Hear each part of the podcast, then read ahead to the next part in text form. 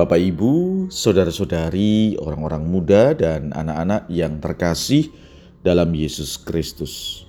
Selamat pagi, salam bahagia, dan salam seroja untuk kita semua. Berkah dalam bersama dengan saya, Romo Antonius Garbito Pambuaji, menyampaikan salam dan berkat Allah yang Maha Kuasa dalam nama Bapa dan Putra dan Roh Kudus. Amin.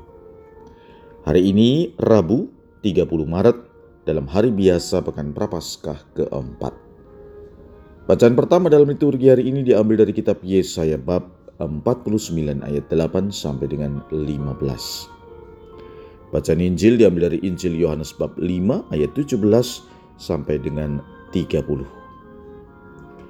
Sekali peristiwa, Yesus berkata kepada orang-orang Yahudi, Bapakku bekerja sampai sekarang, maka aku pun bekerja juga. Karena perkataan itu orang-orang Yahudi lebih berusaha lagi untuk membunuh Yesus, bukan saja karena ia meniadakan hari sabat, tetapi juga karena ia mengatakan bahwa Allah adalah Bapaknya sendiri, dan dengan demikian menyamakan dirinya dengan Allah. Maka Yesus menjawab mereka, Aku berkata kepadamu, sesungguhnya anak tidak dapat mengerjakan sesuatu dari dirinya sendiri, jikalau ia tidak melihat Bapa mengerjakannya. Sebab apa yang dikerjakan Bapa itu juga yang dikerjakan anak. Sebab Bapa mengasihi anak dan ia menunjukkan kepadanya segala sesuatu yang dikerjakannya sendiri, bahkan ia akan menunjukkan kepadanya pekerjaan yang lebih besar lagi daripada pekerjaan-pekerjaan itu, sehingga kamu menjadi heran.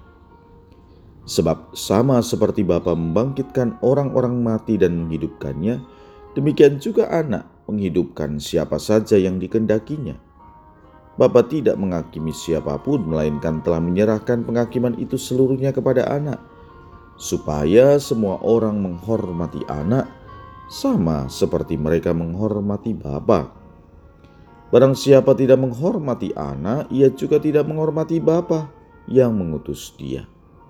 Aku berkata kepadamu, sungguh, barang siapa mendengar perkataanku dan percaya kepada dia yang mengutus aku, ia mempunyai hidup yang kekal dan tidak turut dihukum, sebab ia sudah pindah dari dalam maut ke dalam hidup.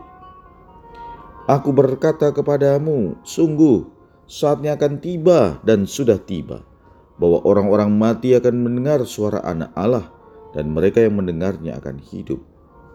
Sebab sama seperti Bapa mempunyai hidup dalam dirinya sendiri, demikian juga diberikannya anak mempunyai hidup dalam dirinya sendiri. Dan Bapa telah memberikan kuasa kepada anak untuk menghakimi karena ia adalah anak manusia. Janganlah kamu heran akan hal itu sebab saatnya akan tiba bahwa semua orang yang di dalam kubur akan mendengar suara anak dan mereka yang telah berbuat baik akan keluar dan bangkit untuk hidup yang kekal. Tetapi mereka yang telah berbuat jahat akan bangkit untuk dihukum.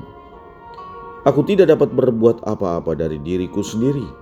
Aku menghakimi sesuai dengan apa yang aku dengar dan penghakimanku adil. Sebab aku tidak menuruti kehendakku sendiri, melainkan kehendak dia yang mengutus aku. Demikianlah sabda Tuhan. Terpujilah Kristus. Barang siapa mendengar perkataanku dan percaya kepada Dia yang mengutus Aku, ia mempunyai hidup yang kekal. Aku tidak dapat berbuat apa-apa dari diriku sendiri Aku tidak menuruti kehendakku sendiri, melainkan kehendak Dia yang mengutus aku. Saudara-saudari yang terkasih, sabda Tuhan hari ini jelas bahwa Yesus menunjukkan bahwa dalam segala hal Ia menyesuaikan diri dengan kehendak dan tindakan Allah. Ia melakukan pekerjaan-pekerjaan baik bukan atas kehendaknya sendiri, melainkan atas kehendak Bapa. Ia bekerja dan bertindak sesuai dengan kemauan dan kehendak Bapa. Pertanyaannya, apa yang menjadi kemauan dan kehendak Bapa itu? Yaitu keselamatan manusia. Yesus dengan Bapa adalah satu. Bekerja untuk menyelamatkan umat manusia. Melalui karya keselamatannya, Yesus ingin mewahyukan siapa Allah Bapa bagi manusia. Melalui Yesus, Bapa ingin agar kita memiliki kepenuhan hidup. Dan Yesuslah menjadi satu-satunya jalan agar kita memperoleh hidup yang kekal.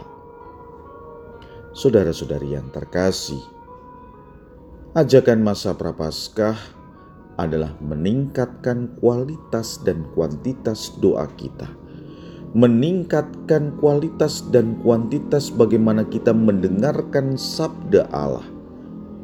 Dan berdoa serta mendengarkan sabda Allah saja tidak cukup tetapi kita harus melaksanakannya dalam kehidupan kita.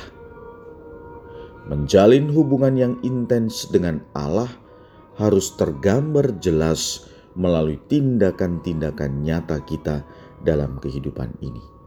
Dan masa prapaskah menjadi kesempatan indah bagi kita untuk melakukan itu. Marilah, saudara-saudari yang terkasih, kita menjadi saksi dan pembawa harapan bagi saudara-saudari kita. Karena dengan begitu, mereka akan semakin mengenal siapa Yesus dan siapa Bapa. Marilah kita berdoa. Allah Bapa yang penuh kasih, kami bersyukur atas rahmat dan kehidupan yang Engkau limpahkan kepada kami. Semoga kami sungguh dapat mengisi masa ini dengan pekerjaan-pekerjaan yang sesuai dengan kehendak Bapa. Dan semoga kami melaku, mampu melakukan pekerjaanmu itu dalam kehidupan kami. Berkat Allah yang Maha Kuasa, dalam nama Bapa dan Putra dan Roh Kudus. Amin.